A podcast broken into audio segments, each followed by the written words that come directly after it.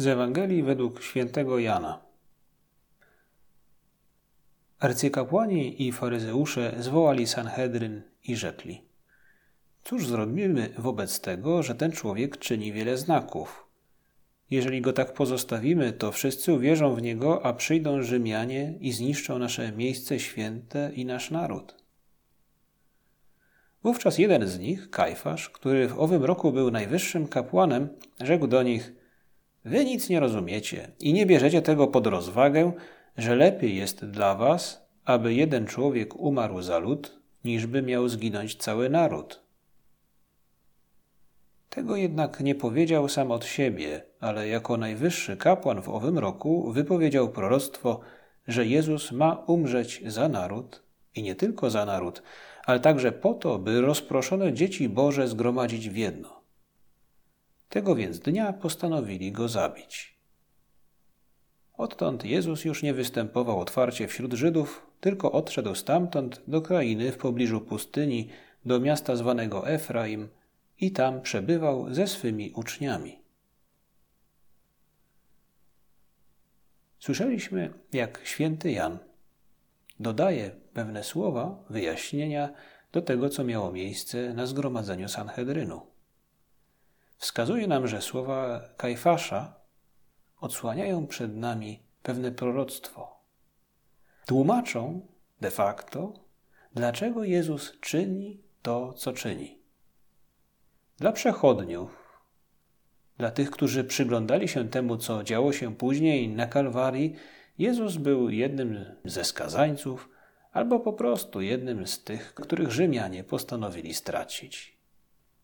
A jednak my, dzięki świętemu Janowi, dzięki temu, co nam przekazuje w dzisiejszej Ewangelii, odkrywamy w słowach Kajfasza zapowiedź tego, dlaczego Chrystus rusza do Jerozolimy, dlaczego naucza jeszcze wcześniej, dlaczego dokonuje tylu cudów, dlaczego później powstaje z każdego upadku na drodze krzyżowej, dlaczego oddaje za nas życie na krzyżu.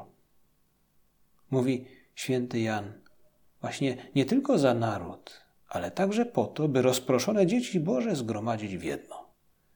Tak, Panie Jezu, Ty czynisz to, co czynisz, dlatego, że nas kochasz. Tak, Ty wypełniasz wolę Ojca, wolę, którą ukochałeś, chociaż wypełnienie jej Cię kosztuje. Chrystus cierpi po coś i w ten sposób zmienia sens tego, co widać zewnętrznie. Zmienia nasze postrzeganie Jego czynów.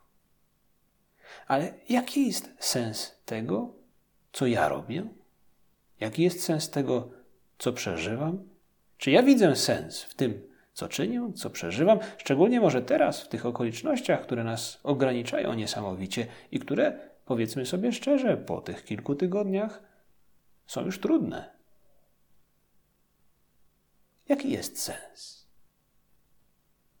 Ktoś opowiedział mi kiedyś pewną historię o wędrowcu, który podróżował przez jakąś krainę i napotkał gdzieś pośród pól, blisko jednego miasteczka, trzech ludzi. Zajęci byli swoją pracą. Zapytał pierwszego, co robisz? Czym się zajmujesz? On wskazał mu na stertę kamieni i na drugą, nieopodal. Mówią, powiedział z pewnym przekąsem, widać z niechęcią na twarzy. Mówię, no nie widzisz, układam te kamienie, przerzucam ze sterty na stertę. Nie zniechęcił się. Ten wędrowiec zapytał drugiego, ale co wy robicie, co ty robisz? Tamten popatrzył na niego zmęczony, otarł pod z czoła i powiedział – no, utrzymuję moją rodzinę. Zarabiam na życie, na chleb. Ciężkie czasy nadeszły. Aż w końcu trzeciego zapytał, a tamten popatrzył, powstał, podniósł głowę, spojrzał na niego. Wzrok gdzieś uleciał mu nieco dalej, ku horyzontowi i powiedział: Wiesz, budujemy kościół, katedrę. Ten ostatni zewnętrznie czynił to samo co pierwszy i co drugi. Ale jednak sens tego był inny. może i my w tych dniach powinniśmy zastanowić się, jaki sens ma to, co robię, po ludzku i z perspektywy Pana Boga. Jeśli siedzę na kasie w supermarkecie, to nie tylko zarabiam przecież, to nie tylko może się narażam, ale przecież pomagam tylu ludziom. Dzięki mnie tyle osób ma szansę zrobić zakupy. Jeśli przygotowuję w domu fajną kolację, to sprawiam, że moi bliscy mogą odetchnąć w tych trudnych czasach. Gdy się uczę albo gdy pracuję, nie tylko sprawiam, że mam już za sobą po jakimś czasie pewne rzeczy, pewne trudne może sprawy czy zadania, ale także ulepszam świat. Sprawiam, że w tym świecie jest więcej chwały Pana Boga, że ten świat bardziej mu oddaje chwałę. A jak przeżywam trudności i cierpienie, obawy? Po ludzku może wydawać się, że są one bez sensu, że nie mają one żadnego sensu. A jednak my przez wiarę widzimy w trudnościach pewien wymiar odkupienia. To jest to, co Chrystus dzisiaj ukazuje nam. A raczej nie jest sam Chrystus, co Kajfasz przepowiada, jaki jest sens tego, co Chrystus uczyni. Jaki jest sens tego, co robię? Głęboki, nie tylko ten ludzki. Co dostrzegam dzięki wierze w moich zajęciach codziennych, tych zwyczajnych teraz, w tych nadzwyczajnych okolicznościach? Zastanówmy się, jak Chrystus patrzy na to, co czynię, co przeżywam. Zewnętrznie możemy być ograniczeni. Faktycznie możemy nawet być bezsilni. A jednak dzięki wierze możemy przeżywać te sytuacje, te wydarzenia w duchu Chrystusa.